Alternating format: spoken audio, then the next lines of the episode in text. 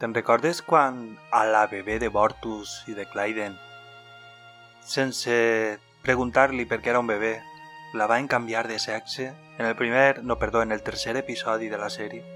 Doncs ara veiem que els xiquets creixen molt ràpid, sobretot en els moclans, perquè aquest episodi té 4 anys o 5, i així tenim les conseqüències d'això que li feren, ja que ha arribat a l'adolescència de manera molt subtil, tracta el tema de la transexualitat, un tema molt delicat avui en dia quan parlem de xiquets o de xiquetes, especialment, ja els adults que facin el que vulguin, però parlem de xiquets. I en el segon episodi que anem a analitzar, si recordem en el capítol 11, si l'heu vist, espero que sí, encara que no he fet encara el programa, el capítol 11 de la segona temporada, Lasting Impressions, impressions duraderes, doncs el tio va i s'enamora d'una xica que veu en un mòbil que estava tancat dins d'una càpsula del temps de l'any 2015. Pues ara passarà una cosa que és inesperada. Tornem al viatge en el temps, però amb particularitats. I a més és un episodi en el que acabes plorant. Però després ho analitzes i t'adones que ens han fet una trampa, encara que ja després te ho explique dir, crec que no fa falta dir-ho, si has arribat fins així, que és un programa full spoiler, vale? Quedes avisat, full spoiler. També vull dir-vos una cosa. Si noteu que me costa articular una miqueta, pues vos demane perdó per anticipat. Ja sabeu que em van operar d'esquixals per segona vegada, pues fa dues setmanes, i encara no puc parlar bé del tot. Però sí que vos dic que vaig a fer-ho el millor que puga. Aixina que va, anem a fer una miqueta de teràpia amb els episodis 5 i 6 de la tercera temporada de The Orville. Soc Samu Gascó i estic boig pel podcast. Comencem.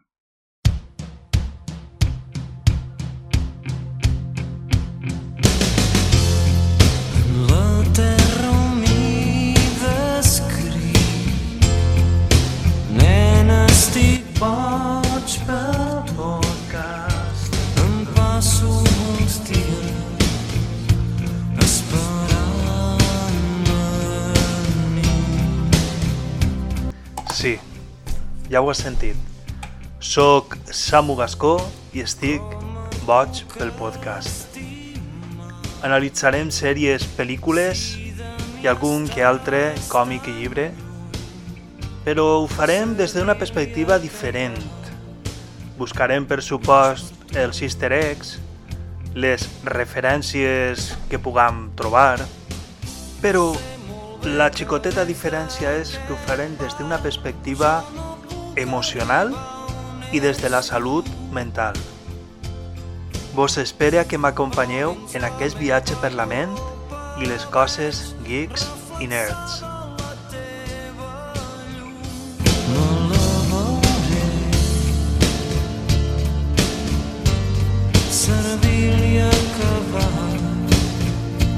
Pots fer el podcast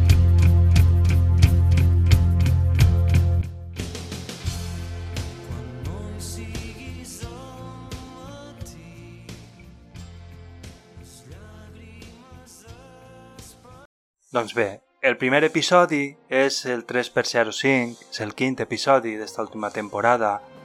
El títol és A Tale of Two Topas, és a dir, un conte de dos topes. Mm, és un episodi que està escrit i dirigit, ho ha fet tot Seth MacFarlane. I així pues, tenim una altra pel·lícula, ja que dura una hora i 15 minuts.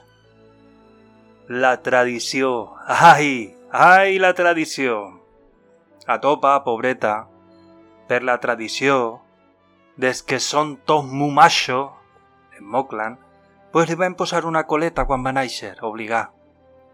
Ara ja sabem que això és mentira, que naixen moltes dones, però que quan són bebès les operen. Per la tradició. Més avant veurem una reflexió amb dades científiques sobre el tema. Doncs bé, este capítol està protagonitzat per Kelly. És un capítol molt emocional. De nou, per als que són pares, i estimem molt els nostres fills. I al costat d'ella, pues, tenim a Topa, també a Bordus, que fa un paperàs en este episodi, i... i que per suposa el coneguem. L'episodi comença amb una espècie de piràmide en un planeta desert on estan traient tot el que hi ha dins i estan investigant-lo, no? Com si foren Indiana Jones.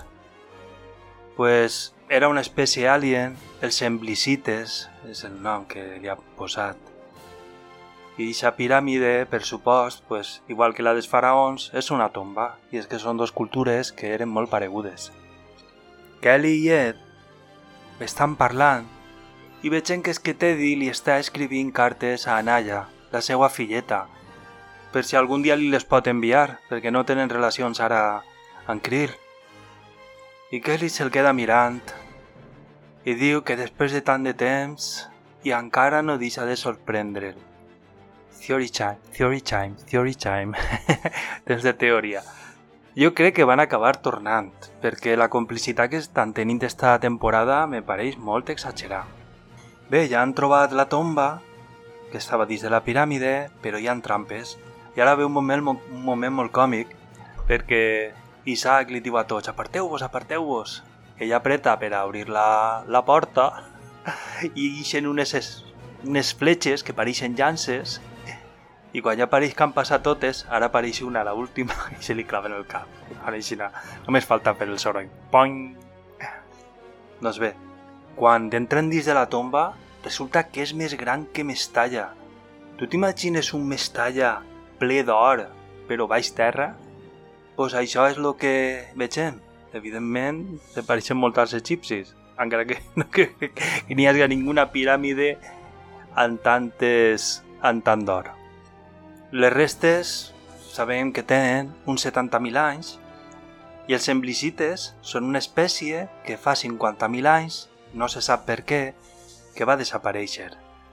En la següent escena Topa està en una simulació comandant una naumoclana contra els Keylon. Però no pot amb ells i la destrueixen. Es nota que, eh, anem a dir-ho, encara que fa de topa, eh, que és un xiquet, però es nota que l'actriu, que és una actriu, que és una xiqueta. Però, però li posen una veu greu i així en una miqueta d'edició pues, pareix que siga un adolescent, però vamos, que es nota que és una xica.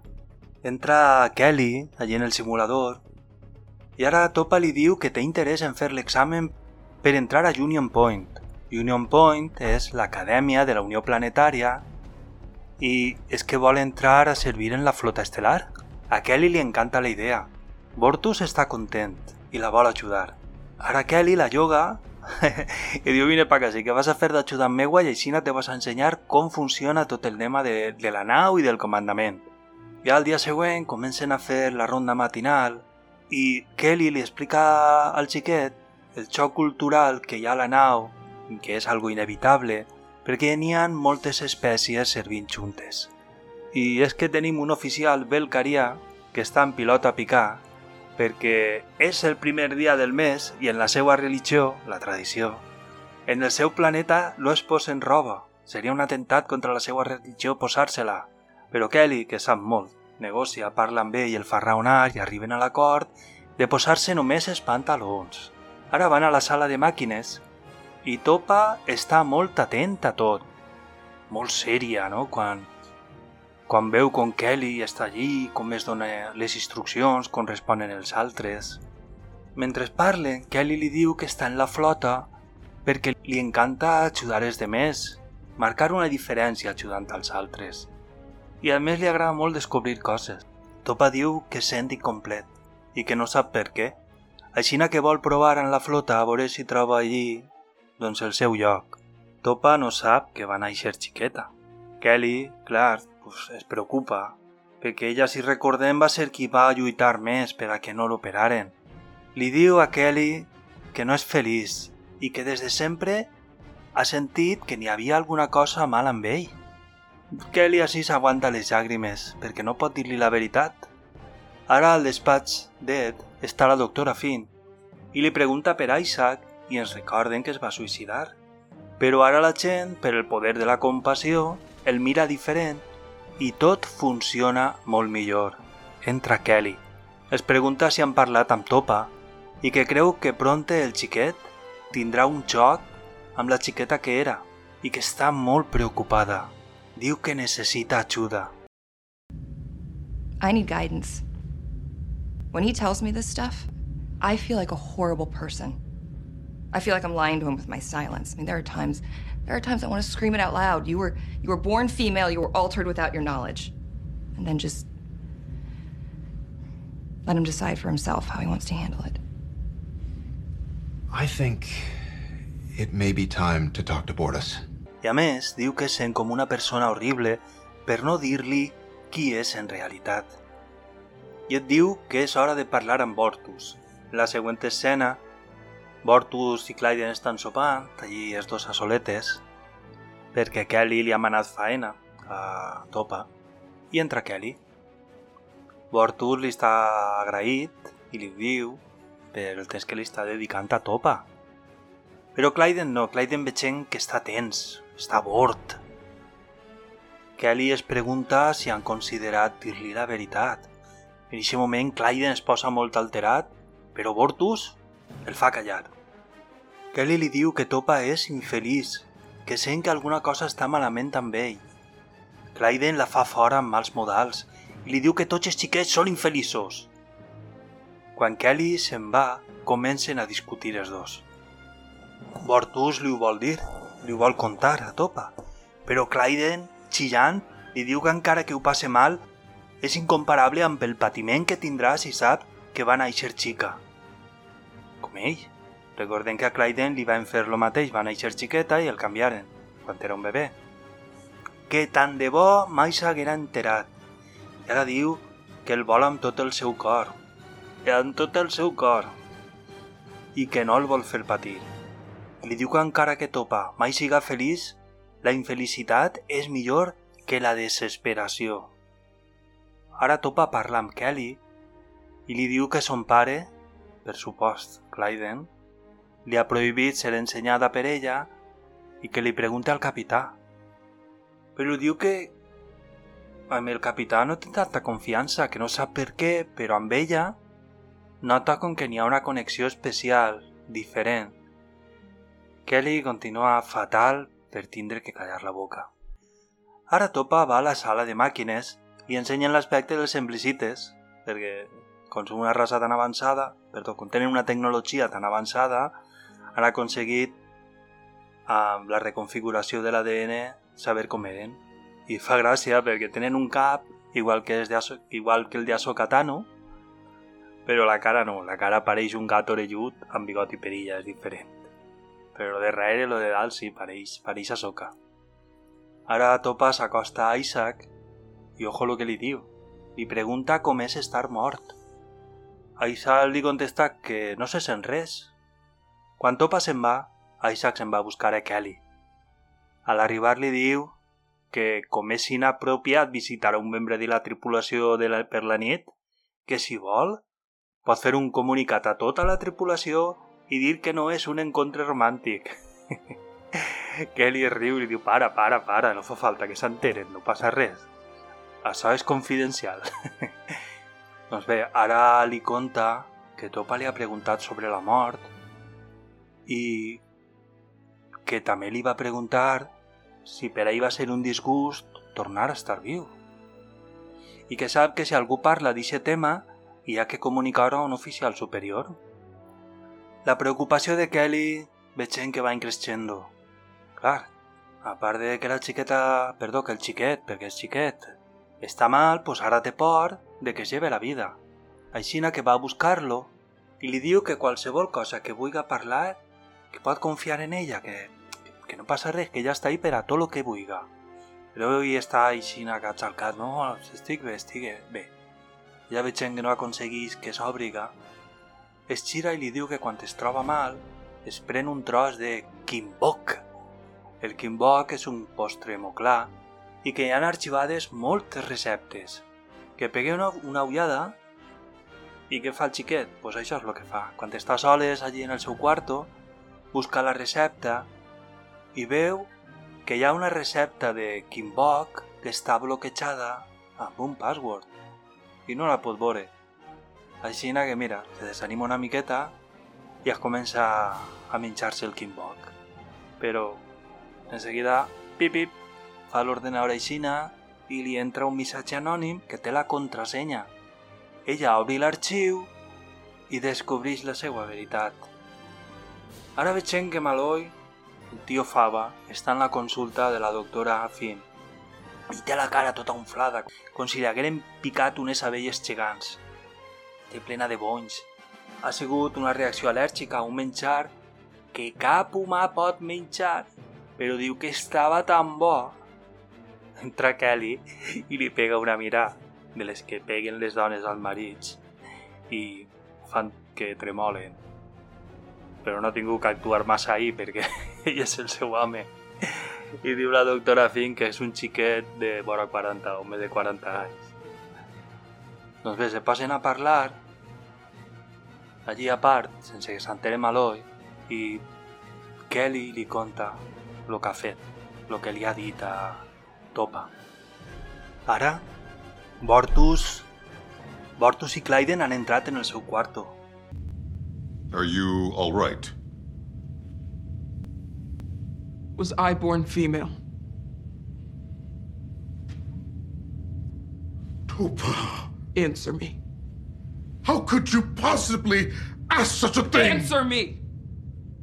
Of course not! Where? Where did you get that? Does it matter? Was it Commander Grayson? Tell me the truth. Was I born female? Yes. Why did you not tell me? It was for your own well being. We wanted to protect you. Were you ever going to tell me? We did not know. It did not appear to serve a purpose. You have been lying to me. My entire life has been a lie. No! Topa, you were born malformed. It is true. But the doctors made you well. You are male now. That is all that I ma- may appear to be male. But what is inside me still exists. It is why I have felt the way I have for so long. My body has been screaming to me that I am someone else. I am. I am sorry. Topa, to leave you as you were would have been. Unthinkable. Yes. Moklis has taught me. You have taught me that to be female is an aberration of nature. I have heard the lesson clearly. Moklis is an imperfect society. What is taught. Boris, you can. Quiet, you will be silent! We love you. For everything that you are and were. Topa els pregunta que si va néixer xiqueta i Clyden li diu que sí. Que va néixer amb defecte, però que la van operar i ara ja està arreglada. Ella diu que ja sap que és una, una aberració, que li ho estan dient des de que va néixer. Però Bortus, molt carinyós, li diu que el vol per qui és i no li importa que, que siga xiqueta. O que hagi sigut xiqueta. Ara Clyden, molt empipat, va a pegar-li a Kelly. Però esta, que és molt primeta però sap pelear, l'agarra per raere, li pega la volta, li alça el braç i el fa fora. Ara és Bortus qui va a veure a Kelly. Vol demanar-li ajuda amb topa. Kelly es disculpa per lo que ha fet, però Bortus confessa que és ell qui li ha donat la contrasenya al seu fill. És la primera vegada que vegem a Portus plorant. Jo pensava que els Moclans eren incapaç de fer-ho, però no. Així està Bortus plorant a llàgrima viva. Vol molta topa. La doctora Finn parla amb Topa i després de parlar amb ell diu que no hi ha perill de suïcidi, que el que han de fer és escoltar-lo per a veure com el poden ajudar. Es posen a parlar, Topa i Kelly, i el xiquet diu que no sap què fer i que li encantaria conèixer a una dona del seu planeta, però que son pare li ho prohibirà, que no li deixarà. I ella diu, a lo millor no fa falta que siga una prohibició, perquè pot haver un truquet. Així que la porta al simulador. I així tenim un treball digital brutal, perquè agarren escenes del capítol tercer de la, de la sèrie, About a Girl, o About a Boy, no me'n recordo ara com. About a Girl, era. Pues li posen el judici on veu que Javina, la primera moclana que hem conegut en la sèrie, i que, si recordem, era l'escriptora més important del planeta, però clar, amb pseudònim, se feia passar per home. pues ara ho tenim que analitzar encara perquè no acaba la segona temporada, pues està en el planeta refugi per a dones de Moclan, perquè els Moclans resulta que les persegueixen i les encarcelen. Jo, de veritat, està tan ben fet que pensava que havien tornat a convidar als actors perquè estan ahí digitalment parats, es veu com ella defensa... Ja us dic, és un treball digital impressionant. Doncs pues bé, quan Topa l'escolta defensar la seva feminitat i qui ella és en realitat, pues, com els seus pares decidiren no operar-la, que diu que és feliç, pues Topa plora. Topa plora perquè veu una dona feliç i ell sap que en ell algo és diferent. Ara van, van els dos a parlar amb Claire i Topa diu, jo sóc una xiqueta i vull cooperar-me. Però clar, és una xiqueta. Tenien que parlar amb els seus pares, així que van a fer-ho. Clyden se torna a escarotar, se posa violent. I Bortus, sorprenentment, encara que no, perquè, com vos vas dir fa temps, és el personatge que més ha evolucionat des del principi, viu que Topa té dret a decidir. Ara Clyden va a molla que és massa jove per a prendre la decisió lo qual seria un bon argument si no seguera per la hipocresia que és, ja que la van operar de xiqueta, sense el seu consentiment i sense tindre coneixement de res. Bortus, que és l'únic que està ahí serio del matrimoni ixe, li pregunta si hi ha riscs psicològics, però Claire diu que sí, que en, circumstàncies normals, per l'edat que té, canviar-se el de sexe pues sí que n'hi haurien riscs. Però no així. Que el que tenen que fer és restaurar el que se li va llevar. No canvia res, salvo tornar-li el que no tenia. Però Clyden, molt empipat, li diu que si Bortus accepta que li operen a, a Topa, l'abandonarà i no li donarà ni el privilegi del punyal. I és que recordem que en l'episodi Primal Urges eh, Urgències Primàries, que és el segon de la segona temporada, en el que Bortus s'enganxa a la pornografia en el, en el simulador, també és un episodi d'estos que te fan reflexionar, pues, com vol divorciar-se d'ell, pues l'apunyala per que és la tradició moclana. Raiden és molt de la tradició. Però miraculosament el salven. No el mata, però vamos, estava mig mort. I ara anem a fer una paraeta per a pensar un poquet sobre el tema de la transexualitat en els xiquets. I m'agradaria que escoltàreu este àudio de Bill Maher, que és un, un, un home un, que fa un late night en HBO i que de veritat espera que reflexionem perquè dona dades científiques que jo no, jo no coneixia i m'han deixat, m'han deixat, vamos. Diu, because we're literally experimenting on children.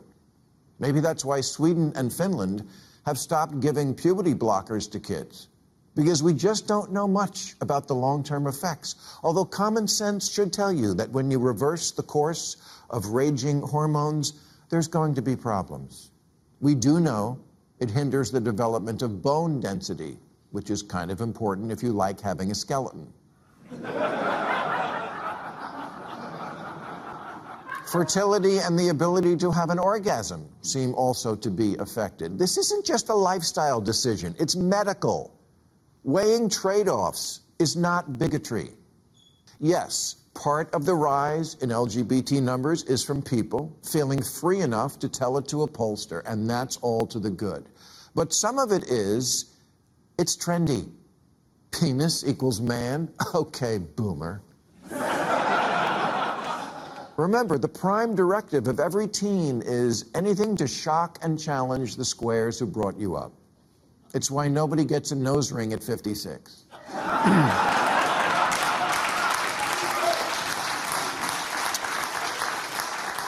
and if you haven't noticed that with kids, doing something for the likes is more important than their own genitals, you haven't been paying attention.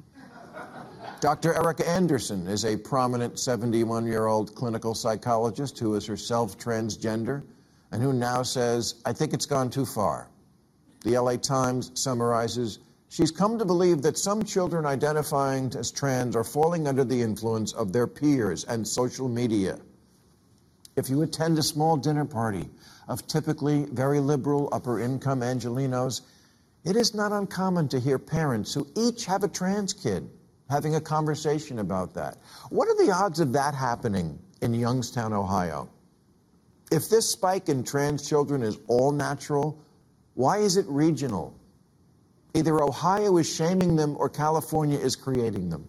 Els adolescents que volen canviar i es posen bloquejadors de pubertat o s'operen, es posen en perill. Països tan avançats com Suècia o Finlàndia ho han prohibit. És un tema sanitari, no és religiós ni polític. Frena, s'ha demostrat, la densitat dels ossos a eixa edat i en molts la fertilitat i poder inclús experimentar un orgasme. Vivim en un món amb moltes llibertats i tots podem fer el que vulguin, estar orgullosos d'això i és una cosa que està bé, que està molt bé, diu Bill Maher. Però tenim que entendre que és una tendència o que està de moda entre els adolescents. Que un penis és de ser home? Ok, boomer. Que els adolescents fan coses per enfadar als adults i per això ningú porta un piercing al nas quan té 56 anys. Que si no entenen que els importen més els likes que els seus genitals és que no estem prestant atenció. I ara cita d'un metge trans que ja té 71 anys. Este diu que la cosa s'ha escapat de les mans, que estan completament influenciats per pares, amics i familiars liberals. Que a Los Angeles és molt comú que famílies s'ajunten i parlen de les seues criatures trans. Però quines són les probabilitats de trobar això a un poble d'Ohio? És un assumpte genètic o d'una regió? O en Ohio els avergonyixen o en Califòrnia estan creant-los. I continua i continua. Sé que ha sigut llarg, encara que en, ca en cap més llarg. Però ja vos dic, són coses que jo desconeixia. El mal que li poden fer als xiquets al posar-los els bloquejadors de pubertat quan estan desenvolupant-se, que el seu cos està desenvolupant-se, poden fer-se molt de mal. I ja s'ha descobert, i lo de que Finlàndia i Suècia han, ho han prohibit, pues m'ha deixat Us vaig a deixar l'enllaç de tota l'explicació que fa, en molts xistes, en molts acudits. Us deixo l'enllaç de YouTube en, en la hipnosi per a que ho mireu, perquè és una cosa, ja vos dic, en xiquets, en majors no, no dic res, en xiquets, que, que, que és una cosa que... una barbaritat, vamos. Pues bé, ara com estan en una nau de la Unió, han de demanar permís als almiralls però estos ara no li donen. I és que els moclans s'oposen i han amenaçat en trencar la seva relació amb la Unió i que enmig de la guerra amb els Kylon això és una cosa molt perillosa. prohibeix fer l'operació en la nau, però es diu que la poden fer fora. Encara que ens recorden que si ho fan, els moclans van a perseguir-la i la clavaran en la presó. Que no s'ho pensaran, vamos, perquè és una cosa d'estat per a ells, perquè són molt de la tradició. Kelly, son pare, Bortus, van a explicar-li-ho a Topa. I ella, pues es queda, es queda a quadros. Se posa molt mal. Encara que Kelly li diu que van a lluitar, però no es queda convençuda i diu si volen que siga un xiquet, pues seré un xiquet. I se'n va. Ara ja està en el planeta, han acabat amb la piràmide. I la doctora Finn, que ho saben que és molt bona persona, per això està en l'Ixanau, poguent estar en una nau més important, perquè està allí per ajudar. Diu que renunciarà a ser oficial de la Unió i operarà a Topa, i que no li podran dir res, i que això pot salvar la cara als moclans. Però clar, Eddie i Kelly no volen que passi, que passi això, perquè la volen molt, la volen, volen que estigui allí. I això diuen que és una cosa que no té tornada enrere.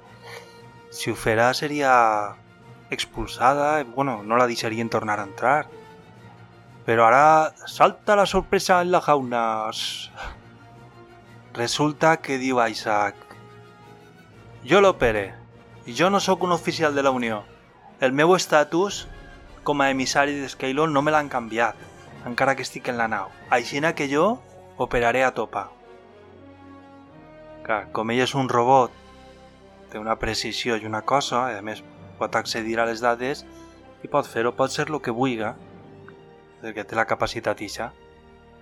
Es posen tots molt contents i Edri diu Oficialment et prohibisc que operes a topa. I Kelly li diu que seria desafortunat que ningú estiguera per la consulta del metge quan ho faça. Però com van a fer-ho? Que ningú passe per allí? Pues un concert de Vortus. ho anuncien per megafonia i tota la tripulació s'apunta. No n'hi ha uno que se quede fora. Recordem que a l'episodi 1 per 09, Cupid's Dagger, la daga de Cupid, va estar a punt de cantar la cançó de Titanic, però el van interrompre perquè en seguida esquidraren els almiralls, a ell i a Kelly se va tallar tot, i va ser el moment ixe que diu You will be silent! I llavors dic, tota, tota la tripulació, tots fan cola, com si seguera, com si seguera la pel·lícula de, dels Blues Brothers, quan s'ajunten tots ahí en el corredor, tots, tots que no caben, pues així se'n van tots a veure el concert. Entra, ah, entra Tai, el menú de la doctora Finn, que ell va a tocar el piano. Bartus primer le renega i diu, «Ixa nota està més alta!» Recordant el que vos he «You will be silent!» Més ho en el mateix to. I ara... Sí, canta la cançó favorita de Claire, Nature Boy.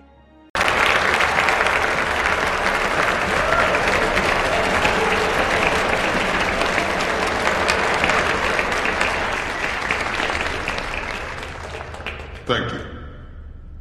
This song was taught to me by Dr. Finn. She says it is one of her favorites.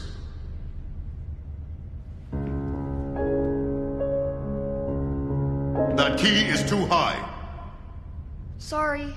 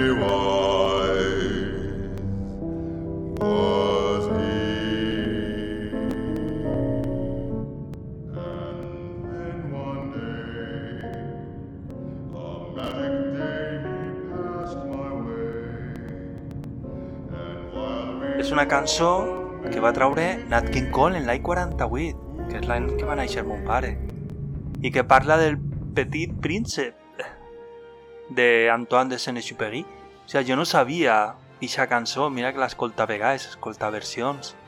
Pues està basada en el llibre del Petit Príncep, cosa que m'ha resultat molt sorprenent preparant el programa.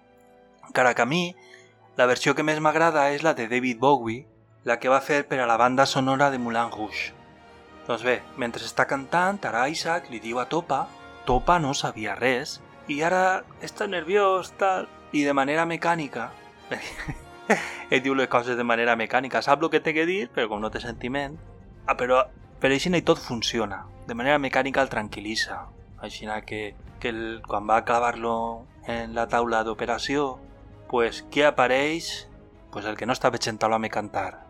Pues per sorpresa apareix Clyden molt violent, però ja sabem, Isaac és superfort. L'agarra de la mà, el torna a tirar cap avall, Clyden se'n va bufant, però lo pitjor, mira molt mala cara a Topa. Ja? El claven la taula d'operació, la camilla d'operació, com se diga, per operar-lo. Mortus continua cantant, esta vegada el You never walk alone You'll never walk alone La reconeixeu, la cançó?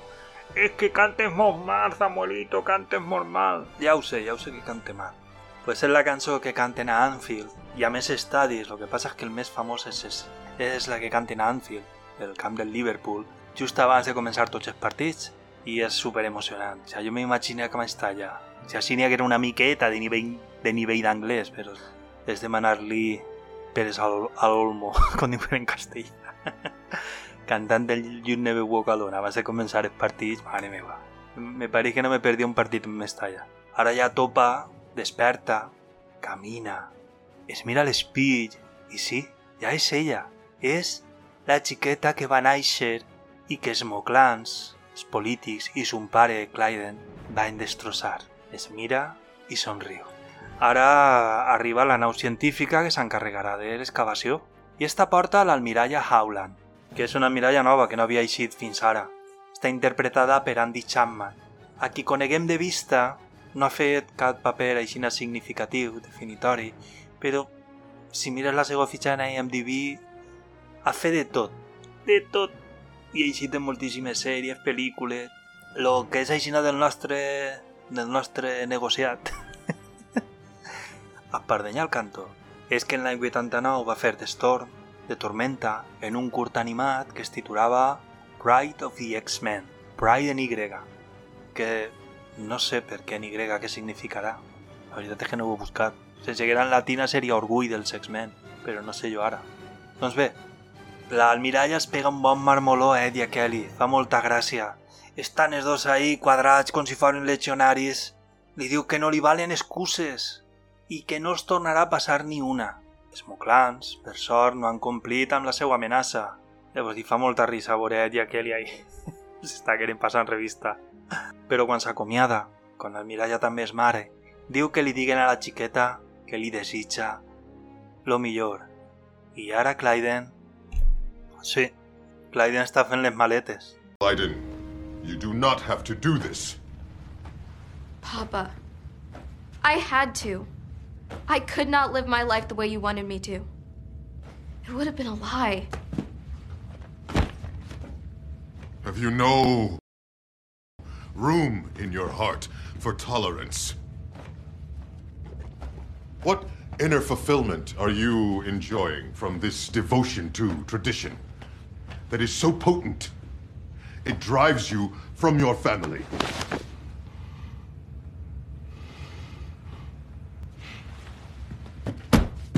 Papa, I love you. I wish you were never born. Se'n va. La nena li diu que el vol, però este va i això que diu que la volia tant, que tal i qual, li amolla que de tant de bo no haguera nascut. I se'n va. Però Bortus, amb molt de carinyo, li diu «Escolta'm, escolta'm bé, topa, perquè no s'ha canviat el nom. Topa val igual per a xic que per a xica. Diu, per a mi, filla meua, eres perfecta. Ara Claire li agraeix a Isaac el que ha fet, però este li contesta que no ho ha fet per la nena, sinó per a que la gent de la nau no lo die tant i tot funcione millor. que li somriu i li diu que és, que és l'home més honest que ha conegut mai. I se'n van a sopar. Bueno, a sopar ella. Ella mirar, clar. és un robot, no pa mitjar. Criden a Topa, al pont, per a que ella doni l'ordre d'eixir de l'òrbita del planeta en el que encara estan. I està la veient com camina contenta. Així Seth MacFarlane ha fet un plano no, d'ella caminant i la càmera davant d'ella tirant pa carrere mentre ella camina cap avant. Està contenta, ja no se sent malament, és ella, és la xiqueta que va néixer. En el pont, ell li diu Capitana, així tens la teua cadira. Ella s'assenta i ara sona amb música orquestal el You'll Never Walk Alone. Walk he dit, no. El You'll Never Walk, que la L no se pronuncia alone. La L no se pronuncia, eh? no és de Walking Dead, és de Walking Dead. Sense L, encara que la porti. I ella topa en un homenatge a Picard, diu Engage. Añadix Quantum Drive. Engage Quantum Drive. I s'acaba l'episodi. Tot ha sigut molt emocionant. Topa ha començat molt mal, mos trencaren el cor en l'episodi, en el tercer episodi d'una sèrie te quedes desfet, que és el que va fer el Seth MacFarlane amb About a Girl. Mos va deixar desfets en aquell episodi. I ara ho han arreglat. Dir-vos que és un episodi que ha rebut moltes crítiques per part de qui no l'ha vist, perquè no és un episodi que parle de transexualitat infantil ni la defenga, utilitzant amb un anglicisme jo diria que és baxexualitat, és a dir, tornar a ser lo que uno era. Li han tornat a topa, pobreta, el que li havien furtat al Naixer. La tradició. Pregunta't. Creus que hi ha que seguir totes les tradicions només perquè són tradicions? Hi ha tradicions bones, però també hi ha tradicions roïnes, no penses? Vaig llegir fa molt de temps, a més ho posava una feminista, que assassinar a les dones també és una tradició, però que hi ha que acabar amb ella com siga, no penseu? Se vos ocorreix alguna altra tradició? Se vos ocorreix alguna altra tradició en la que n'hi hagi que acabar? A mi se m'ocorreix més d'una, però no vull ofendre-vos. Si alguno, pues... Penseu. Es bous, es bous! Calla, Samuel! Podeu comentar-ho. Vos anime a que comenteu en, en, en iVox, que és el lloc on se pot comentar. També podeu enviar-me si voleu un correu, jo també el llegiré els llistots, que és watchpelpodcast arroba gmail.com, és molt fàcil, watchpelpodcast arroba gmail.com. Doncs bé, fins així l'episodi. When you walk through a storm hold your head up high and don't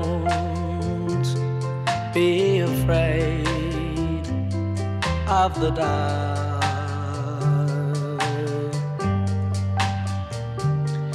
At the end of a storm, there's a golden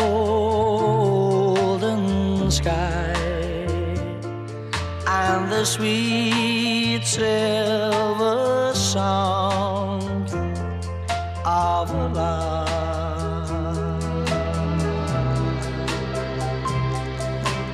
Walk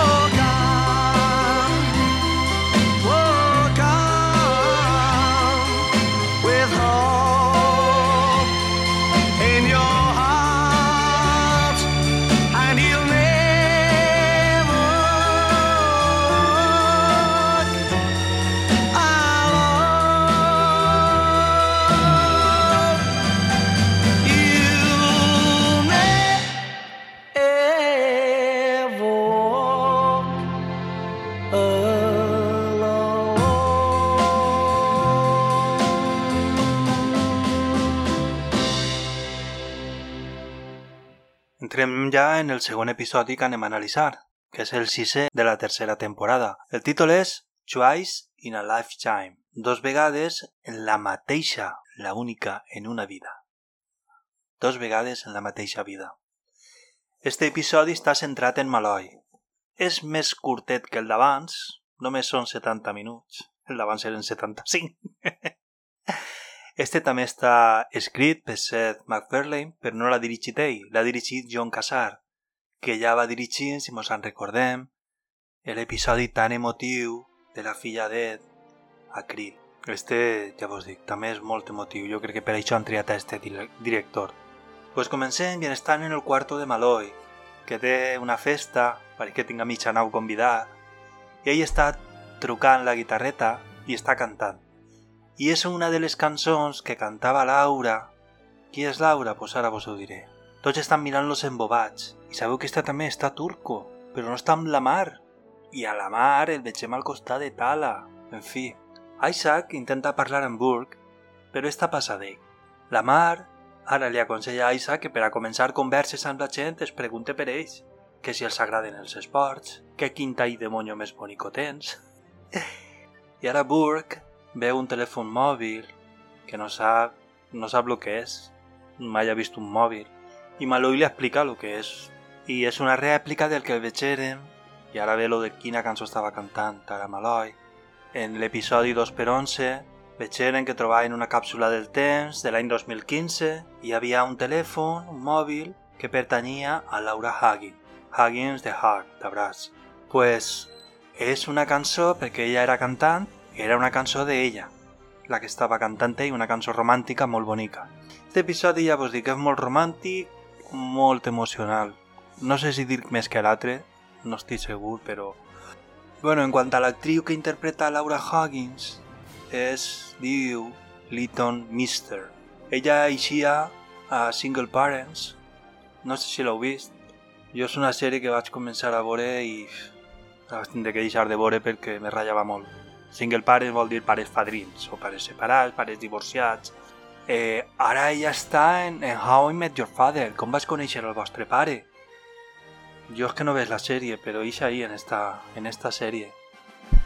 Pues bé, jo vaig començar a veure la sèrie de Single Parents perquè sabeu de qui és, o qui era l'actor principal. Pues era Taranquila. I jo sóc molt fan del Saturday Night Live. I ell allí. I sabeu qui és la dona de Taranquila? Pues és Kobe Smalder. Qui és Kobe Smalder? Pues és l'actriu de How I Met Your, Your Mother, de com vas conèixer a vostra mare. És que tot encaixa, tot encaixa. Kobe Smulders, per si el nom no vos sona, perquè a vegades els noms mos costen de quedar-nos, pues és la Maria Hill de l'MCU. Ja sabeu, la que està sempre amb, amb Nick Fury. Pues bé, ara Malloy li ensenya les fotos i els vídeos que en el mòbil i diu que no és el de veritat, que això està en la, en la Unió, com a, o en un museu, no me'n recorde, però que és una rèplica del verdader, i diu que va aprendre molt de com era ella gràcies al mòbil i ja sabem al simulador on es va fer nòvio d'ella. però bueno, això va ser en el simulador. S'ho va tindre que deixar, perquè no tenia trellat el que estava fent. Pues ara agarra, arriba a Bortus i els tres se fan un selfie. Ja en la sala de màquines veiem que està amb aquest aparat temporal, aquest aparell temporal que ja vam veure en el primer episodi i amb el que al final de la segona temporada, sense voler, porten a una Kelly més jove, se'n recordeu? Si ho heu vist, encara que jo no ho... Com... No és que no ho he analitzat encara, no he pogut. Doncs bé, han, han aconseguit millorar la zona d'influència fins al punt en el que podria abastar i cobrir tota la nau. I una altra cosa que han aconseguit és que ha augmentat la resolució temporal fins al punt de poder triar fins, a, fins i tot al milisegon on volen enviar alguna cosa amb l'aparell. Ara apareix Maloi, que té molta gana. Així que va a la màquina dels aliments, ara se m'ha oblidat el nom, el processador, processador d'aliments, sí. I es fa un sàndwich. La Mar li l'agafa i el posa i diu ara vaig enviar este entrepà 10 minuts al passat i de sobte apareix l'entrepà. Però clar, Maloi, sempre Maloi, que té les seues maloiaes, veu els dos entrepà i li diu que per què no se queden els dos, així no tindrien dos. Però ara Isa fa una explicació i diu que si no l'envien al passat això causaria una paradoxa temporal i es crearia una branca nova temporal. I això és clau per a la resolució de l'episodi. És a dir, tu dius vaig enviar-ho, t'apareix, i ara dius no l'envie, paradoxa, nova línia temporal. Ara una altra de Maloi. I diu, i si agarrem ara el sàndwich i l'enviem tres mesos al futur? Així, quan t'aparega per sorpresa, pues, com ja no me'n recordaré, me'l menjaré calentet i se queden tot mirant però està popa fava, perquè no te'l menges ara? Si el tens ahí... I és que dona igual, perquè és que tenen el processador d'aliments. Si és que poden menjar el que vulguin quan vulguin. Total, que ara de, li comunica l'almirall Perry, recordem, Ted Danson, és un avanç molt important del viatge en el temps, i este diu que això és massa perillós, que fa por, que el portaran a l'estació científica de màxima seguretat a Savic 3, que és un planeta. Que li enviarà un comboi, perquè si això, si això cau en mans d'Scalon o els Krill, es carregarien la unió abans de que inclús poguera haver començat. Així que en el comboi que li envia venen sis naus, que són més poderoses i més grans que Diorville. Qui comanda el comboi és l'almiralla Osawa, recordeu, que eligiu. Quan s'estan apropant a l'estació, s'adonen que l'estació està destruïda. Kelly havia dit I have a bad feeling about this abans d'arribar. Ja sabeu, la referència a Star Wars, perquè ho diuen en totes les pel·lícules de Star Wars. I en els episodis de dibuixets en alguno. Però en totes les pel·lícules I have a bad feeling about this. Tinc un mal pressentiment. No sé, no sé, no sé com, com ho tradueixen, perdoneu. Fa molts anys que no les veig doblar, les pel·lícules. Els Keylon estan desfent-los, estan agranant-los en Diorville estan quedant-se sense escuts. I és que van a per ella, com si saberen algo. L'almiralla Osawa ordena la retirada. I és que van a fugir com puguen i amagar-se dins d'una nèbula.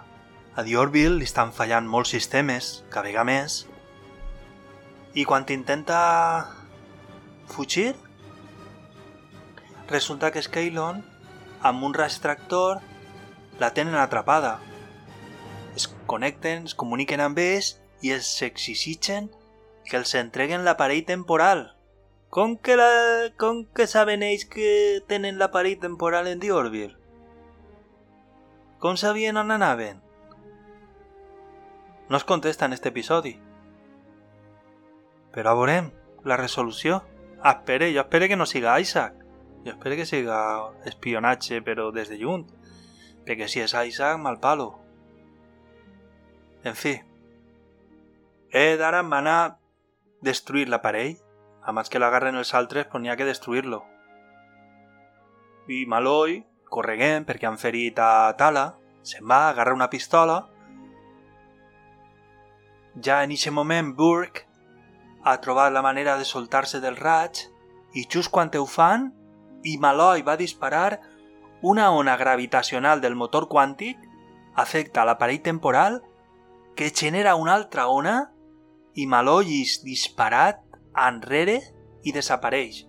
I se tirar arrere és el mateix efecte que en Game veiem quan viatgen en el temps, en les partícules PIM, o, o, o bueno, en Ant-Man també, no? Com, com creix i, i, i es fa gran o es fa xicotiu.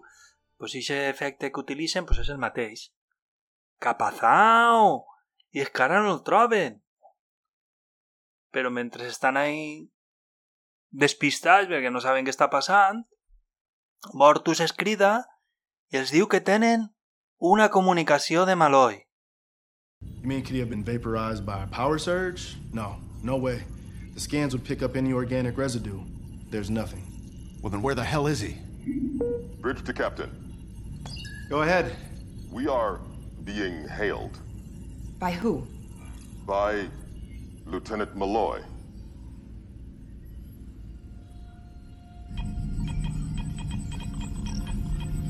Where is it coming from? The message appears to have originated from Earth. However, it is encoded on a subquantum carrier wave, calibrated to 3.7 times the speed of light. At such a velocity, its time of transmission would be approximately 400 years ago. So it was calculated to reach the Veil Nebula from Earth at exactly this point in time. Affirmative. There is some degradation. However, the message is largely intact. Malloy to Orville.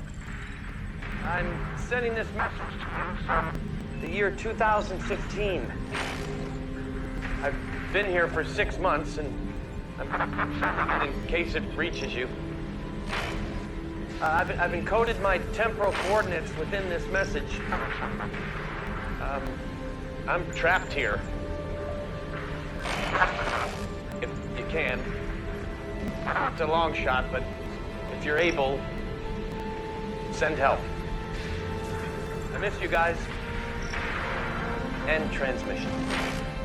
És Malloy demanant ajuda des de l'any 2015. Porta, i això és molt important per a l'explicació del final, porta 6 mesos en l'any 2015. Diu que està desesperat i els envia les coordenades temporals per a veure si poden anar. Ha enviat un missatge en una ona espacial, però bueno, és una cosa que... ciència-ficció pura. Però vamos, que l'ha enviat perquè els arribara just en el moment que estaven ell, ells allí. I ell havia desaparegut. No sabien que era científic. O que els ensenyen això en l'acadèmia. Doncs ara ja estan a la Ready Room. Han buscat el seu nom en les dades, no? en l'internet del futur, i han descobert que va morir en l'any 2068 amb 96 anys, que era molt bona persona i que va ser pilot comercial. Ed pregunta que com ha pogut passar això, i la Mary Isaac expliquen que és com quan van portar a una Kelly més jove, han descobert que encara que saben molt poc sobre com funciona el viatge en el temps, sí saben que la cognició humana, pensaments humans, influeix quan hi ha un desplaçament temporal. I com l'altre dia Maloi estava parlant i pensant en Laura, doncs estan segurs que el seu subconscient l'ha enviat a l'any 2015. Ara Burke, recordem que, que pensa en 4D, pues si voleu saber la explicació d'això de pensar en 4D, pues en el programa nou de Boig pel podcast, en l'episodi que es presenta, no? el primer episodi de la tercera temporada. Diu que, com ja va morir, això suposa que han fracassat, no? Que no val la pena intentar-ho. Però la Mar li diu que no necessàriament, que així és on la mecànica temporal s'embolica, que tot està en un flux continu i el nostre comportament és una variable. Com el programa de PJ, que es diu La Variable. I és un bon programa que vos anime per cert que l'escolteu. Com diuen ells, són quatre cunyats, encara que n'hi venien dos xiques, Gemma i l'altra que no me'n recorde, xerrant de coses que els agraden. O que ens agraden a tots, i així no passen el rato. Està molt bé, eh? Us ho dic en sèrio. Pues ara ja estan en... Aixina que estan en una superposició de possibles línies temporals fins que ho intenten salvar-lo i ja es queden en la línia definitiva, la línia bona, que ho poden canviar. I ara ens donen més lore. I és que n'hi ha una llei, n'hi ha una llei temporal, i Maloi se l'ha saltat. Si algú es perd en el temps, ha, ha de passar lo més desapercebut que puga. Però clar, Maloi no ho ha fet. Amb l'aparat temporat, que recordem quin és el nom, s'anomena l'aparell Aronov, i amb les millores que li han fet doncs van intentar rescatar-lo. Per això deixarà la neu seca de, de recursos. Inclús diu Kelly que la llei temporal els obliga a actuar per ixe delicte. Per fi, amb molt d'esforç, arriben al passat, i encara que són indetectables per a la Terra, just in case, per si acas, s'amaguen darrere de la lluna. S'han pelat tot el disoni, Dysonium, diuen en anglès. El Dysoni és un material inventat, des que s'inventen i que no existeixen. I com se l'han pelat, pues, han parat abans de lo que tenien que parar, en concret 10 anys. Estan en el 2025 i això és 10 anys més tard de lo que tenien que haver arribat. Necessiten disoni i saben que d'ací dos segles es trobarà en el magma de la Terra, però encara no ha sigut descobert. Així encara tenen dos missions. Trobar i minar, extraure el disoni sense fer cap mal d'interferència i arreplegar a Maloi. La mar es queda perquè hi ha que fer moltes reparacions en la nau. Kelly i Ed aniran a per Maloi, mentre que Isaac i Burke aniran a pel Disoni. Burke ha d'anar amb Isaac per la seva capacitat de veure en 4D. Si ho feren mal, encara que seguira per uns mil·límetres, podrien causar un terratrèmol en el futur. Isaac es posa el dispositiu hologràfic que va engastar Eddie Malloy en el sisè episodi de la primera temporada, anomenat Krill. Este és l'episodi on s'infiltraren en la nau Krill per a, per a agarrar el seu llibre sagrat i on coneguen a Teleia. Així que amb aquest dispositiu hologràfic, l'actor que fa d'Isaac, que és Mark Jackson, pues no s'ha de posar tota la parafernàlia, tot i getratge, i pot actuar amb la seva cara, el seu cos. Això sí, té que posar els braços una miqueta con C-3PO. C-3PO! Fa molta gràcia escoltar a Mark Hamill cridar a C-3PO, a C-3PO en Star Wars, perquè Mark Hamill té una veu molt, molt peculiar. I diu 3PO! Sobretot, si la podeu veure en anglès, la primera, l'episodi 4, la primera pel·lícula, quan estan tancats on està tota la basura que acaben de rescatar o acaba de rescatar-los l'ella i està aquí davant a Tripio va, anem a veure la veu que té Mark Hamill aneu a riure. Doncs bé eh, ixen amb la llançadora per entrar en la Terra la fan invisible, evidentment tenen aquesta tecnologia i vegem una vista molt bonica de Los Angeles per la nit des del cel Isaac, mentre està pilotant la nau, mira Burke una vegada la torna a mirar i li pregunta si practica algun esport. ella li fa ella li fa cara de fàstic. I, i Kelly, que està pendent, se queda mirant-lo, diu, este què diu? Aterren en un tros de desert que n'hi ha fora de Los Angeles i a mi me sona molt ixa zona ja on han parat i estic segur de que ho ha fet aposta d'haver-ho vist en Star Trek. Ara mateix no sé dir-vos a on. No sé dir-vos a on M'ha faltat buscar això, mentre preparava el programa que m'ha tirat com 7 o 8 hores. I no exagere. Se m'ha passat això, perdoneu, però sí que me sona molt haver-ho vist en Star Trek i coneguent a Seth estic segur de que s'ha rodat algo de Star Trek. Ara vegem a Maloi, a terra un jet privat, home, no està en una companyia comercial d'estes... No, no, un jet privat que guanyen més diners. Està molt integrat i veu a Ed i a Kelly. Gordon. My God. How are you? I'm. I can't believe this is happening. You're here. You're actually. You're actually here. Yeah. About ten years too late. Are you okay? I'm. I'm fine, yeah. Si heu vist la imatge, quan es veu, es queda super parat, no? És una nota que no és mediterrani com som nosaltres, perquè no li peguem un abraç ni res, ja que si querem nosaltres, pues, ni abraços o a besos, és que no es deixarien, a petons, com diuen els catalans, no? És que no es deixaríem. Amics, els que volem, i fa 10 anys, i estem atrapats en un món, en fi. Quan Ted li diu que ha vingut per a portar-lo a casa, a la llar, no diu home, pues ell contesta, li canvia un poc la cara, diu, anem a pegar una volteta? Així que se'n van amb ell en el seu cotxe. La matrícula del cotxe, eh, recordem que als Estats Units està guai això, perquè allí si pagues una matrícula pots triar el que vols que posi, sempre que no estigui a pillar. Així molaria que ho feren. pues, fica O'Bill, és a dir, no fica, diu, no fica Orville, fica Ouville sense la R. I diu que és que ja estava pillada. Però bueno, i volia posar-li el nom de la nau, perquè Ouville és que això pareix una caguera de grup, de grup musical. Se'l veu una miqueta nerviós. Kelly li diu que es veu que s'ha adaptat molt bé al passat. Ell contesta que és com veure el teu germà menut clavar la pota estúpidament una vegada i una altra vegada, que saps que és un idiota, però veus que aprèn i creix fins a convertir-se en un tio sabut. Kelly li diu que és molt perdonador amb la humanitat d'aquesta època si pensem en tot el mal que han fet i en tot el fent que han deixat per a ells, per als del futur i que han tingut que netejar. Així he d'estar posant el, mitjà, el missatge ecologista, perquè és veritat, s'està deixant la terra feta un abocador de fem, i cada vegada més i cada vegada pitjor.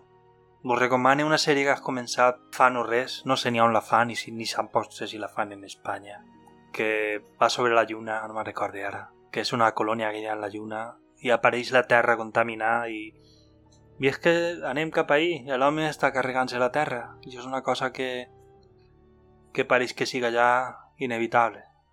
Està molt bé, eh? I a més l'actor protagonista és l'actor del Senyor dels Anells, el nostre benvolgut Meriadoc Merry.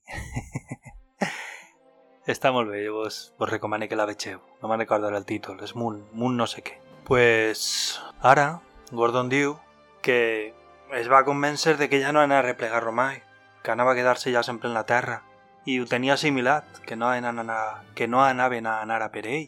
Ed ja li canvia el semblant, es passa serio, li marmola per haver intervingut en la línia temporal, que què ha fet, que això és molt perillós, i Kelly que quan tornen tindrà que respondre pel que ha fet. És una cosa, per lo vist, molt seriosa, però Maloi diu que no va tornar amb ells. I ara diu, veniu, entreu en ma casa, i així no ho entendreu. Sorpresa, s'ha casat amb Laura, la del mòbil. Estem en l'any 2025. I tenen un fill, però és que ella està embarassada. És a dir, ve un altre de camí. En un altre lloc de la galàxia... No, de la Terra, de Califòrnia. Isaac diu que ha trobat el dipòsit més proper del mineral, però que hauran de caminar 24 quilòmetres. I ara li pregunta a Burke, que recordem que ella l'odia, i diu, quina música t'agrada? Està bufa i diu, necessitem un transport. Així que veuen que hi ha un bar al costat de la carretera, un bar de moters, rockers, i s'acosten, entren, se queden tots mirant-los. Sobretot Isaac, que la roba que s'ha posat és com si seguera un mongolet. com si seguera Rainman.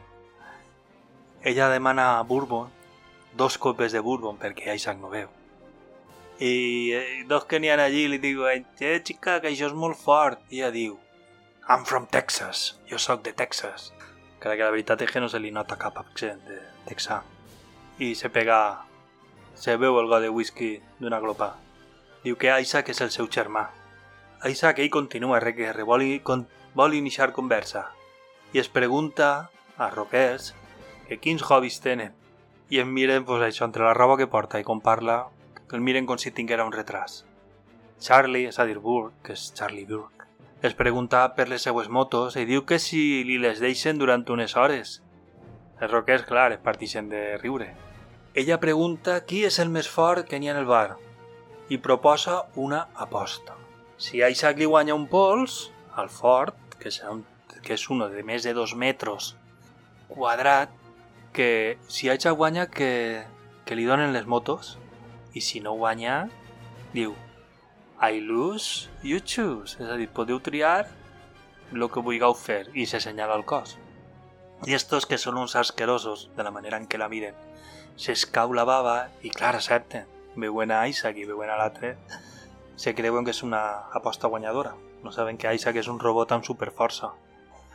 Isaac fa com que se deixa guanyar, però bueno, al final fa Oh, I am losing.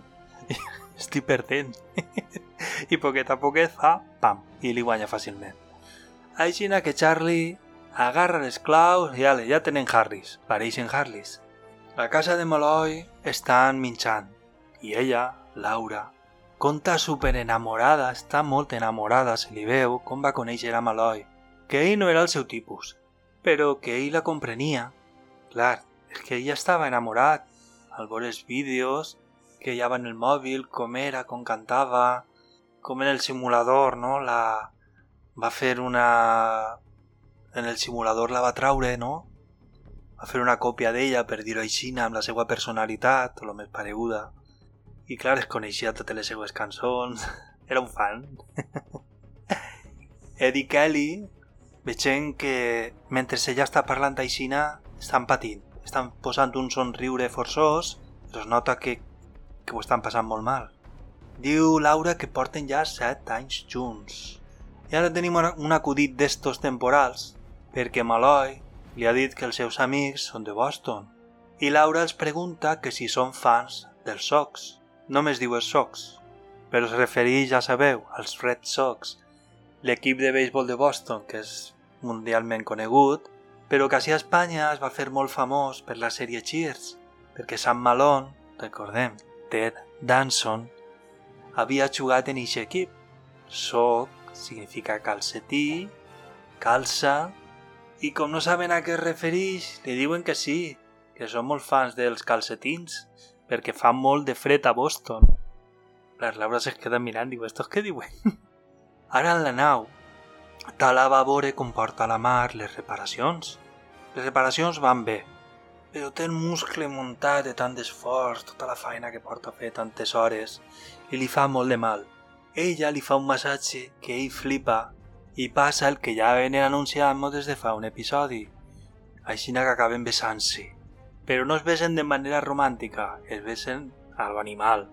Ja en la terra, quan es queden a soles amb Maloi, he d'estar molt cabrejat. Can we talk now? Yeah, we can talk. Look, I understand that you got a raw deal. I really do. But I want to hear a goddamn good explanation for what's happening because the way I see it, we ought to haul your ass back to the ship right now and throw you in the brig. Shut up! Excuse me, Lieutenant? No, I, I'm not your lieutenant. I'm not your helmsman. I'm not your crew. I'm Gordon Malloy, and this is my house. Gordon, you're guilty of about 50 counts of temporal contamination. You broke the law, and God knows what the Screw the law. I spent three years obeying the law. I hid in an abandoned cabin in the woods of Connecticut, and I did my goddamn duty. I stayed invisible. I didn't I didn't see anyone. I didn't go anywhere. You know what I ate? Animals. Yeah. I was holding my weapon when I got sent back, and I used it to kill animals. You want to talk about breaking the law? Here, uh, it's no big deal, but in our time, I'm a serial murderer, folks. You know what that does to your head? So after three years, I said to hell with it. Temporal law can blow me. Yeah, well, it looks fine on paper, but the Union has no idea what it's like to be trapped. No idea! Sí, es pren molt en sèrio la llei temporal i diu que va clavar-li el cul a la cel·la de la nau. Malú diu que ja no és tinent i que es foti la llei que va estar tres anys en una cabanya apartat al bosc, que per a poder menjar va matar animals. Animals! I que això, de la seva època d'on són ells, el converteix en un assassí en sèrie i estaria tancada per vida. Que la llei en el paper està molt bé, però que estava vivint un infern i li pregunta a Ed «Què volies? Que me morira en el bosc?» I este li contesta que sí, que per a protegir la línia temporal, ixe és el seu deure, que ell li recorda que havia fet un jurament, i Maloi replica que si alguna cosa tenia que passar ja hauria passat. Ara sí és un debat molt filosòfic, perquè et diu que sense saber com funciona el viatge en el temps, lo millor és no interferir. Durant tota la sèrie hem vist que el capità Ed Mercer és una persona molt propera, amb tots. De fet, Maloi, sabent, no? És el seu millor amic. Ell és sempre comprensiu, tolerant, ajuda qui ho necessita fins al punt inclús de jugar-se la seva carrera. Però així, així no. Mai hem vist a Mercer sent tan intolerant i dràstic en res. Però Maloi els diu que s'obliden, que no va, que ara té la seva família i han tardat 10 anys i que arriben 10 anys tard. Com estan xillant, Laura, que ho ha sentit, entra. Clar, ja no poden seguir discutint. Així que Ed i Kelly educadament s'acomiaden I Gordon li conta la veritat a la dona. Però esta diu que ho sap, que d'alguna manera sempre ho ha sabut. Me recorda l'ella, quan, quan Luke, spoiler, li diu que és la seva germana, li diu, ho sé, jo no sé per què, però ho sé.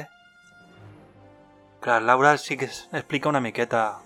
Diu que és per molts detalls, i menciona un, que és quan que estaven tan espantats en la pandèmia, pues ell sempre va dir que no es preocupara, que això tenia solució.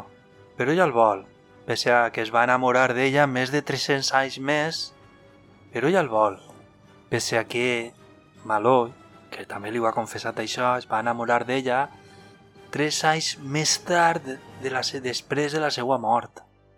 Ara els dos agarraets estan preocupats perquè saben que van a tornar a per ell. Isaac i Burke troben on poder començar a minar, a extraure el mineral i resulta que és justet en una casa que està a la venda. Apareix la venedora i ells es van passar per una parella que està buscant la seva primera vivenda.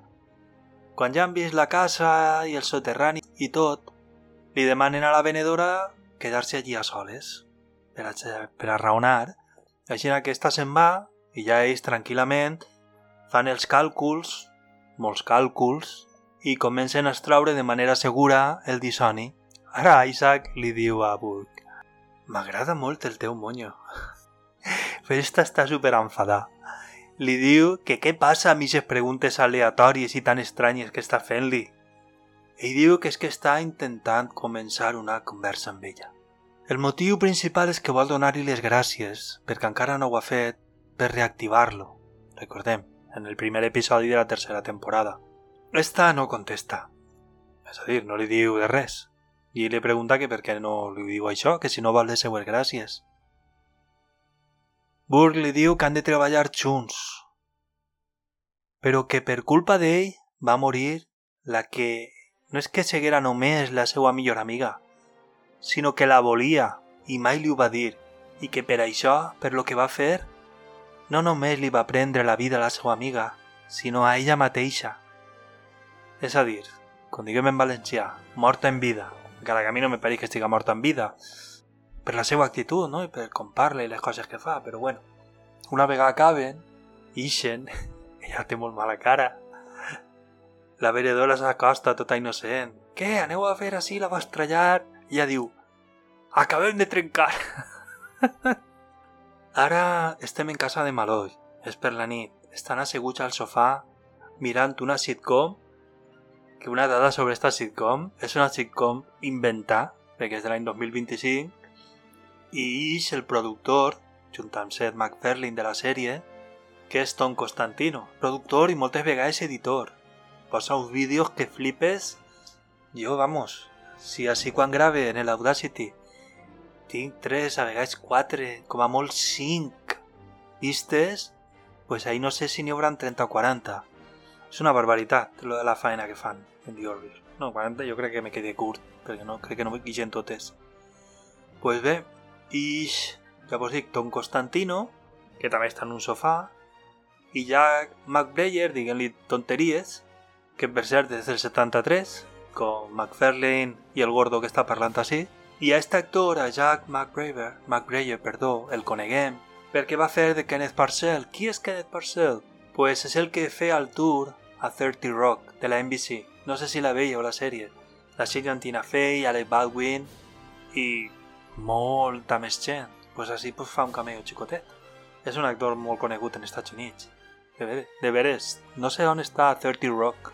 No sé on està, en quina plataforma, però si però fiqueu això, 30, i escriviu Rock, aquesta sèrie, si no l'heu vist, teniu que veure-la. És una sèrie clàssica que, vamos, que te rius en cada episodi. I a més a més, és humor intel·ligent. Això sí, ixen 4 segons i han construït un set complet per a fer aquesta escena, perquè han posat també fotos d'aquest set. N'hi ha molta pasta en esta sèrie i és una cosa que es nota. Truquen a la porta mentre ells estan riguent-se veient la, la sèrie i són Eddie Kelly amb el reforç de Tala. No. No. Whatever you think you're gonna do, you can forget it and get the hell out of here. Gordon. I said get out! Gordon, what's going on? They're here to take me away. What? You can't stay here, and you know it. Well, then you should have gotten your goddamn dates right and shown up 10 years ago. I'm not leaving. You don't have a choice. What, you, you gonna haul me out of here by force? If I have to.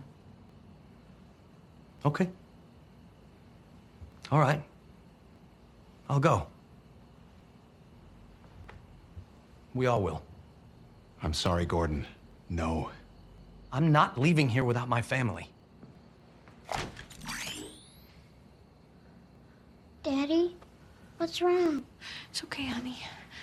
What, are you gonna kill us? No. Just a heavy stun. Malloy diu que no se'n va, que haurem vingut fa 10 anys.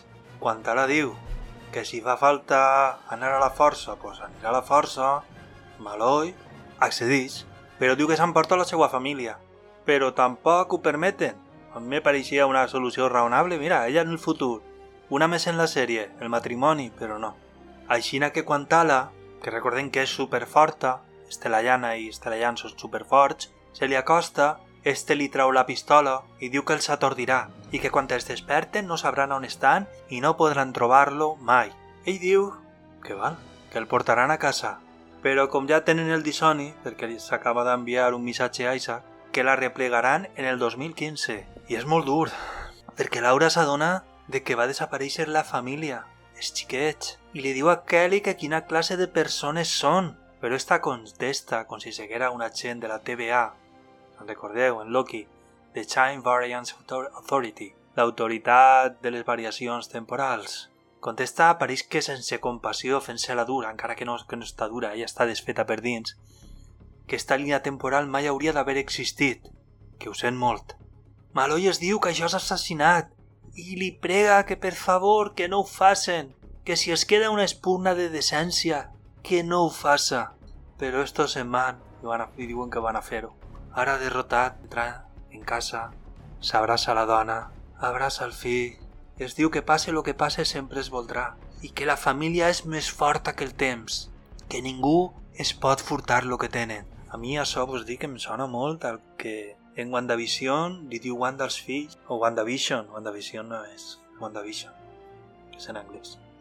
Li diu als fills, quan s'està acabant la sèrie, pues ella diu això i te trenca el cor allí i te trenca el cor així. Donem, m'entren a mi personalment moltes ganes de plorar. Ells ploren i es besen.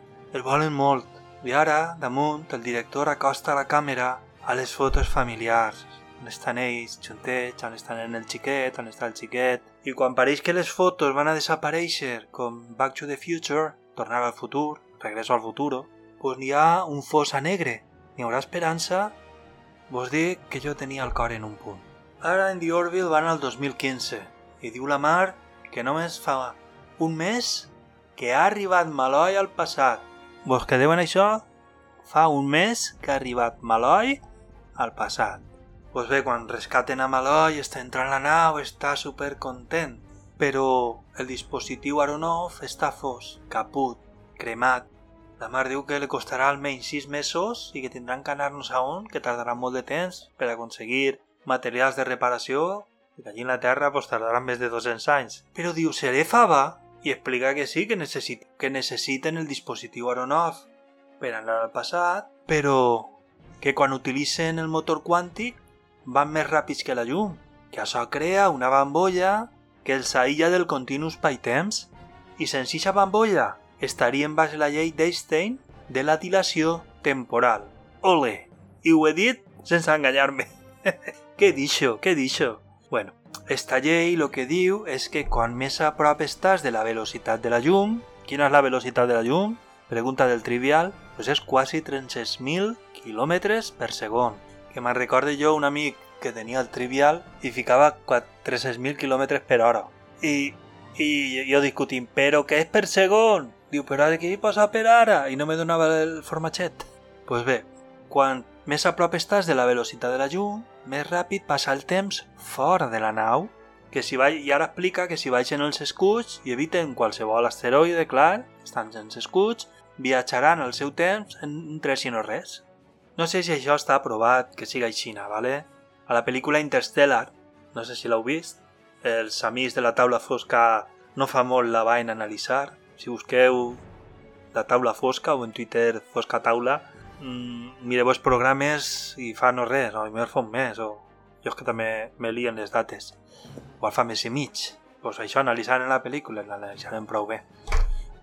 Pues ahí en la pel·lícula ho explica, encara que jo el que us dic, no sé si més enllà de la pissarra, de la teoria, això és una cosa que està demostrada. Jo crec que no, però igual sí, eh? Igual sí. Podeu comentar m'ajudeu. pues ara Maloi diu, anem a posar la nau al 99,9999% de la velocitat de la llum. Aixina que ho fan i de manera molt senzilla, encara que la nau tremola i les estrelles pues, no les veuen blanques, com veiem quan estan viatjant a velocitat, a velocitat quàntica, és, són de color i, i reflexes rojos i verds, pues viatgen al moment en el que han eixit, però estan ja en la Terra. Ara ja soles, Kelly i Ed parlen amb Maloi i ell diu que no sap què dir. Diu, ha d'haver sigut la decisió més dura que heu pres en la vostra vida. No s'explica com pot haver sigut tan egoista. Arriscar la línia temporal. És a dir, el que se va perdre en el temps tenia clara la directiva, o la llei. Directiva seria en Star Trek. En Star Trek. La E no se pronuncia. Kelly, molt comprensiva ara, li diu que ha sigut testat com ningú, que tindre família et fa fer coses poderoses, és a dir, et canvia la personalitat, et fa fer coses diferents. I normalment, en la majoria de casos, suposa que per a bé, perquè aprens a ser un pare, aprens a ser un espòs, o esposa si eres xica. També a cuidar i a voler a unes persones que fa un temps no les coneixies, però ara són el teu tot, són el teu món. Malou es diu que tranquils, que han fet bé, que han complit amb el seu deure en la línia temporal, encara que et diu que ell se sent molt mal, perquè ara n'hi ha dos xiquets que mai naixeran. I dic jo, de veres? I ara com van ofegar les penes? Pues ja sabem, comencen a mamar i diuen que van a fer-se tres botelles de whisky. Són molt borratxos en esta sèrie i no m'agrada, ho he dit més d'una vegada. I és que l'alcohol, l'alcohol ha desfet moltes famílies. I entre elles, us ho confesse, la meua, jo he patit l'alcoholisme en la meua família quan era xicotet. I sé el que és, de fet jo no veig per tot el que vaig veure de xicotet. He tinc, he tinc avorrit l'alcohol. I una persona beguda se m'acosta me dona esta agonia. Entra oix. I és per lo que patí de xicotet. No m'agrada que parlen tant i que n'hi hagi tant d'alcohol. No fa falta. En fi, mentre, ara mentre es veuen, mentre volen agarrar la castanya, pues posen ixa mateixa cançó romàntica que estava cantant Maloi al principi i que era de Laura, però també, igual que en l'episodi anterior, de manera orquestral. I jo, pues dir, quasi la primera vegada que el vaig veure, pues això, quasi plore. Jo és que sóc molt dur de plorar, eh? A mi em costa molt plorar. Jo tinc la llàgrima, però no acaba d'eixir. De fet, vos dic, i ho sé, que si jo plorara, tinguera aquesta capacitat, jo no estaria jubilat per depressió. Però no tinc aquesta capacitat. I aleshores ho paga el meu cos. Com no desofegue, no me desahogue, no és la mateixa com se diu en valencià, com no me desahogue pels ulls, que és la manera natural que tenim els humans, pues el meu cos no funciona bé, falla, estic mal, no funciona moltes vegades, i és per això perquè me costa molt plorar. Això sí, si el València guanya un títol, a vegades plore. bueno, ara en sèrio.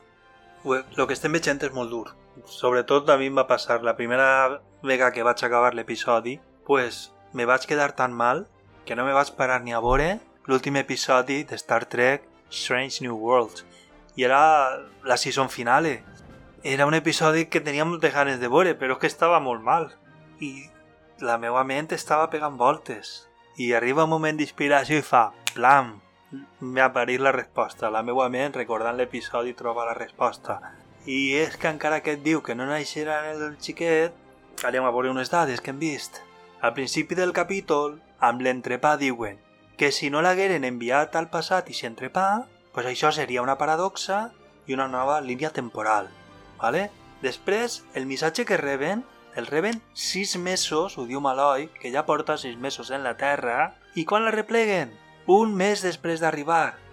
És a dir, no li ha donat temps, falten cinc mesos per a canviar el missatge. No l'ha enviat. Així que, paradoxa i nova línia temporal. Gordon està amb Laura i el pèl roget del fillet, que es diu Edward, i el que pareixia un final fastigós que te deixava fet pols, per lo menos a mi, jo és que sóc molt romàntic encara que sóc un tros d'aca i... En fi, tindria que estar desenganyat de la vida, però no ho estic. Encara continuo sent una persona romàntica. Pues no, és un final feliç. Quin descans. Che, Mac Casset McFarlane li agrada fer-nos patir.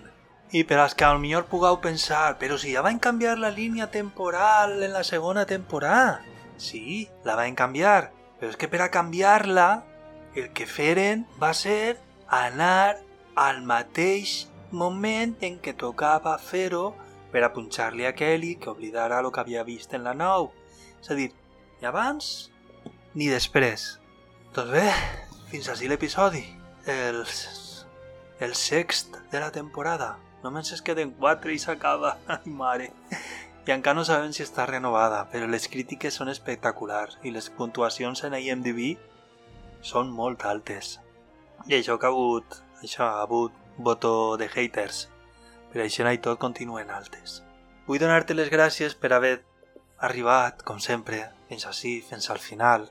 Sé que ha sigut un podcast una miqueta massa llarg per a lo que jo sol fer.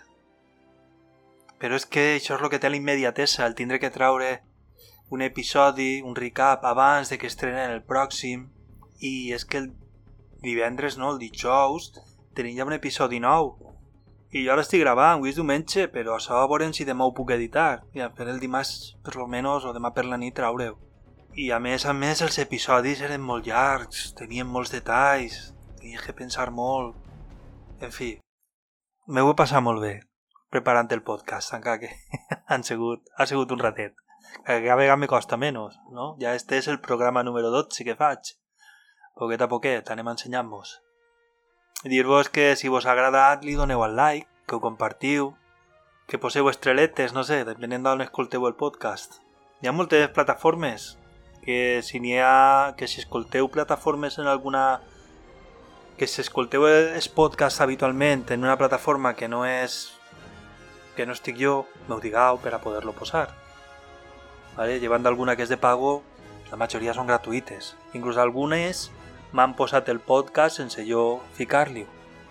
Com Apple Podcast i una altra, pues, directament des del meu proveedor de, de, de podcast, pues, directament ja pues, l'agarren. També vos convide enfàticament a que entreu en el nostre grup de Telegram. Es diu Botxos pel podcast, un nom que se pot canviar. Som un grapaet. I allí pues, amorrem xerraes de les nostres i ens ho passem molt bé. I com ho fem? Pues en la nostra llengua, com mos agrada. Perquè la majoria de grups són en castellà, eh? que no sé si algú més per ahí en valencià, però que escolteu el podcast. Che, Telegram, Botxos pel podcast.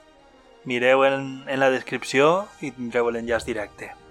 En fi, ara vos deixo a la cançó Nature Boy que està interpretada per David Bowie i que l'ha cantat Bortus en el primer episodi. Soc Samu Gascó, estic boig pel podcast i hem fet una miqueta de teràpia amb The Orville. Adeu! This story is about love. The woman I loved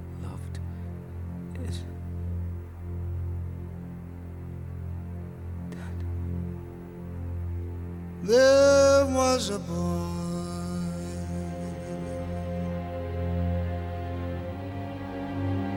a very strange, enchanted boy.